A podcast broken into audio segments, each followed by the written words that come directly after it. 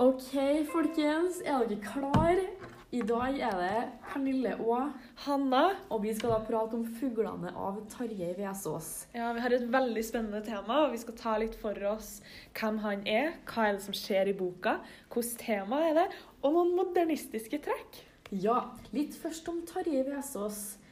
Eh, han levde fra 1897 til 1970 og kommer fra Vinje i Telemark. Han var odelsgutt, men han hadde veldig lyst til å bli forfatter. Han hadde sin debut i 1923 og var en av de største forfatterne på 1900-tallet. Han er også kjent for å være en høy modernist og kjent for sine prosalyriske og symbolske romaner.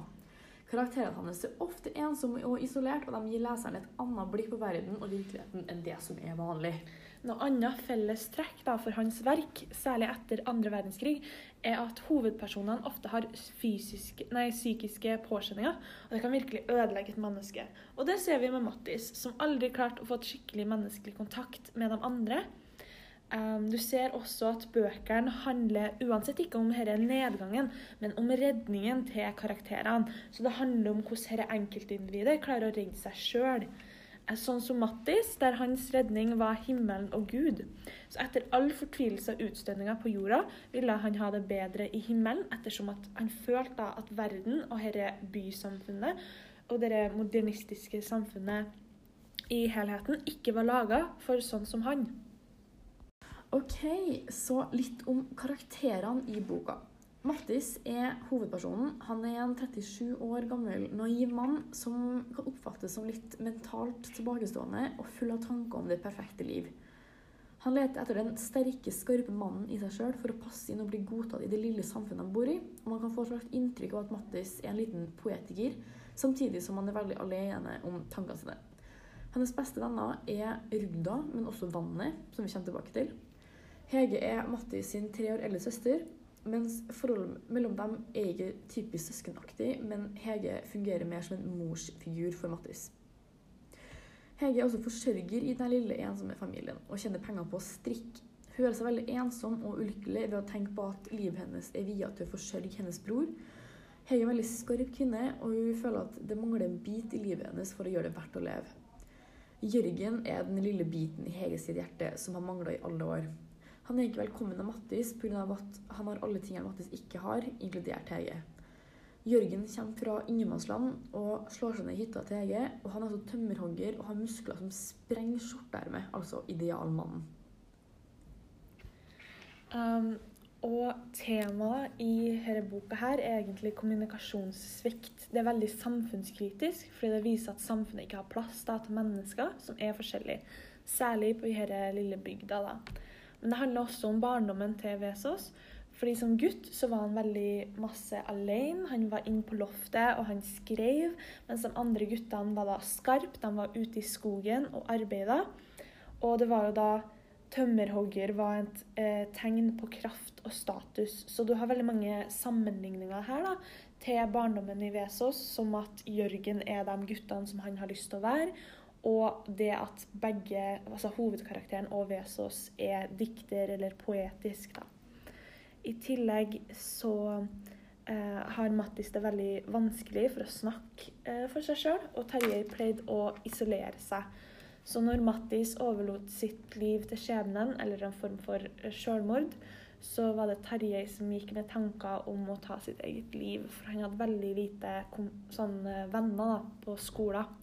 Og Mattis hadde jo egentlig ingen virkelige venner. Han tenkte jo bare på naturen, og særlig vannet, som sin venn. Så først i boka så får vi lese om en ressurssvak, ganske stakkarslig mann som ikke hadde det så veldig lett i hverdagen.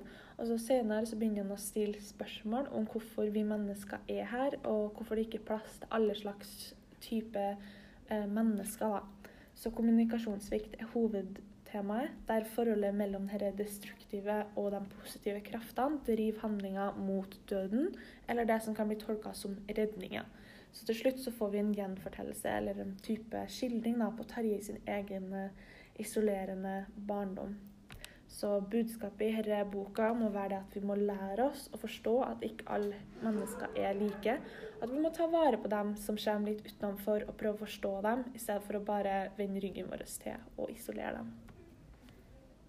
Så til typiske modernistiske trekk. Noen trekk som er veldig typisk, det er da sannhet, åpenhet, ærlighet, fremmedfølelse, angst og ensomhet, men også outsideren. Og Mattis er jo en outsider. Og han er ikke like skarp og rask i oppfatninga som andre eh, folk i bygda, som kaller han for Tusten. Eh, ettersom ingen vet hva slags skarpe tanker som gjemmer seg i hodet til Mattis på utsida, vil han alltid bli oppfattet som det store, dumme barnet. Du får f.eks. høre uh, Hege som sier Du får sie hva du mener, Mattis. Dette skjønner jeg ikke. På side 145. Så Det viser hvordan han ikke blir forstått, og at hans type tanking og tankegang ikke blir reflektert i det samfunnet rundt han. Så det er veldig masse sivilisasjonskritikk, da. Mm. Og det er veldig typisk det med outsideren. Så hvis du setter opp med det som blir skrevet nå, der det er veldig mange ganger vi har en underdog som vi holder på å heie på, da. Og det er lik her. Ja, litt tilbake på sivilisasjonskritikk. Eh, de andre i samfunnet snakker jo til Mattis som om han, som om han er et lite, uklokt barn. Eh, men for Mattis var menneskene rundt han en haug med forskjellige skarpobjekter som arbeidet for å gi samfunnet en mening uten at han deltok eller fikk kontakt med menneskene over, nei, under overflaten. Og så kan man også, tenke på at det er bare få mennesker eller personer i boka som har fått et navn. Men ingen har etternavn, så de, de, fleste blir omtalt som bonden, gutten, jenta, handelsmannen, kjøpmannen og kona. Det er bare Mattis, Hege, Jørgen, Anna og Inger som har fått navn. Og jeg tror at Grunnen til det her er fordi Mattis så ikke menneskene rundt han som noe annet enn mennesker. For han var menneskene en haug med forskjellige skapobjekter, som jeg sa i stad.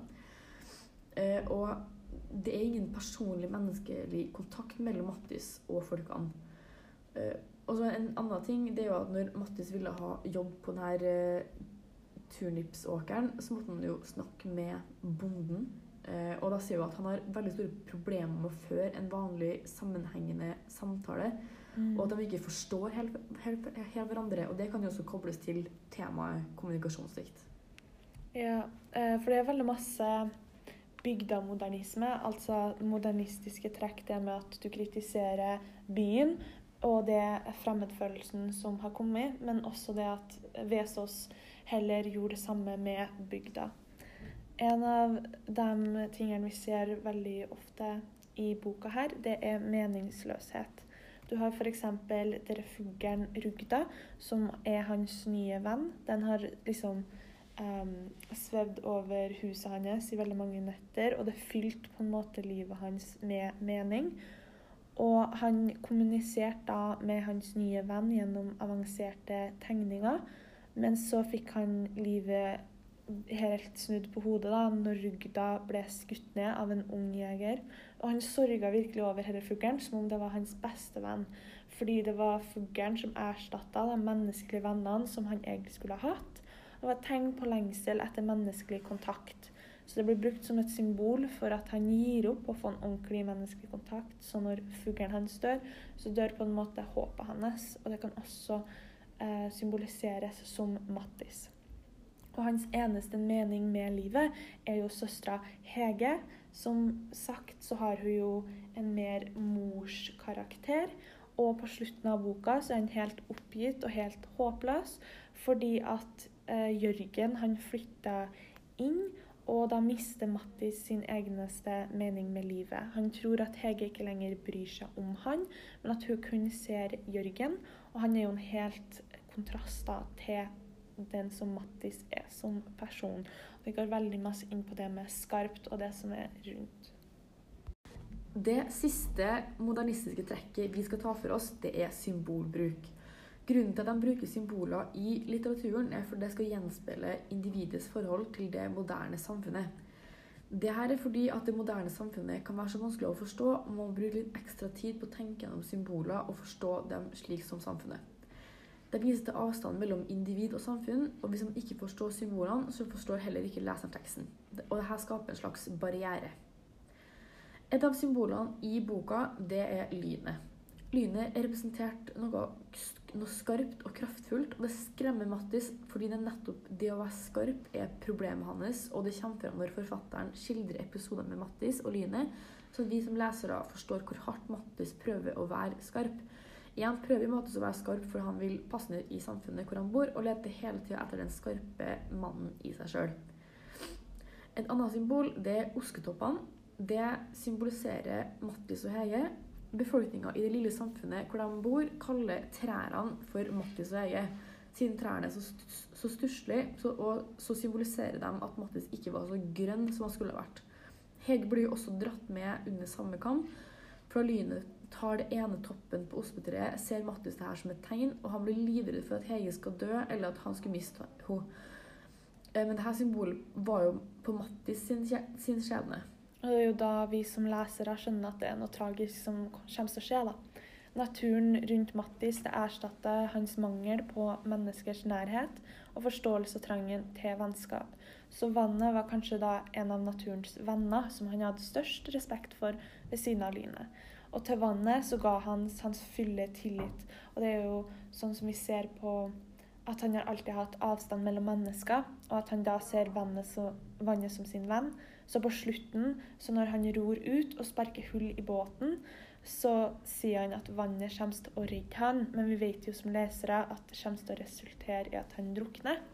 Og kanskje er det sånn at han prøver å minske avstanden mellom han og andre mennesker, for han har lyst på kontakt, og han har lyst på venner. Um, men det her får han jo også til å komme til himmel, noe som han syns er trygt. Um, så hans død kan bli sett på som en redning, men det er veldig mange kontraster, og slutten er opp til tolkning. Og det er litt usikkert på hva forfatteren egentlig prøvde å fortelle, noe som kan være hele poenget, sånn som Pernille nevnte tidligere, at vi har en avstand til eh, boka i seg sjøl. Ja, det var det vi hadde. Eh, tusen takk for at du hørte på vår fantastiske podkast, eh, og håper du ser på igjen. Hører på igjen. Takk for oss. Takk for oss. God helg.